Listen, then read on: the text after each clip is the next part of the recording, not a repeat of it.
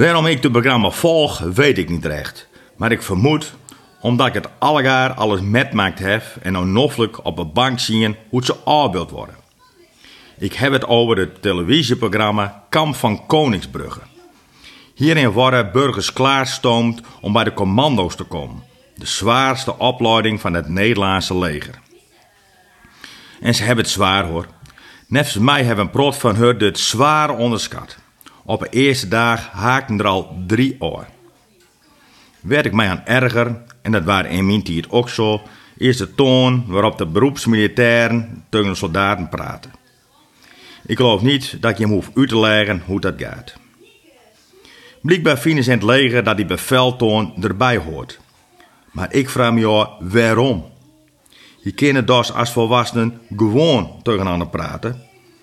Ophouden met dat halweze gedoe, dat soldaten verbaal als beesten behandeld worden.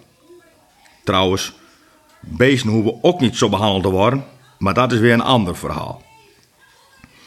Lessen las ik in de Krant een interview met een van die instructeurs van die groep over het programma. Ik heb het niet teld, maar er kwam om haverklap het woord mindset in voor. Ook in alle afleverings valt het woord mindset gauw eens. Mindset is een manier van denken of een mentale houding die een persoon aanneemt.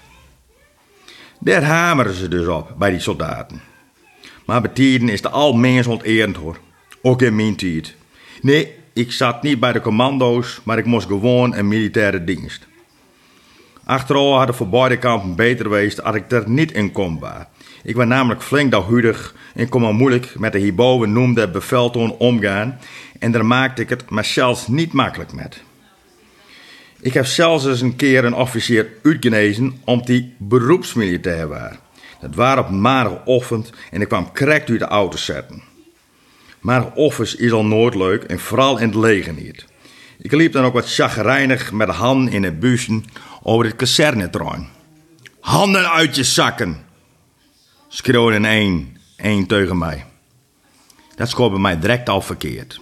En ik denk correct, al hoor ik hem niet. Maar direct daarna kwam het weer. Maar dan luider. Handen uit je zakken! Wij mochten namelijk niet met de handen in de bussen lopen. Maar op een nij negeer ik hem. Toen haalde die persoon mij in en het bleek een sergeant te wezen.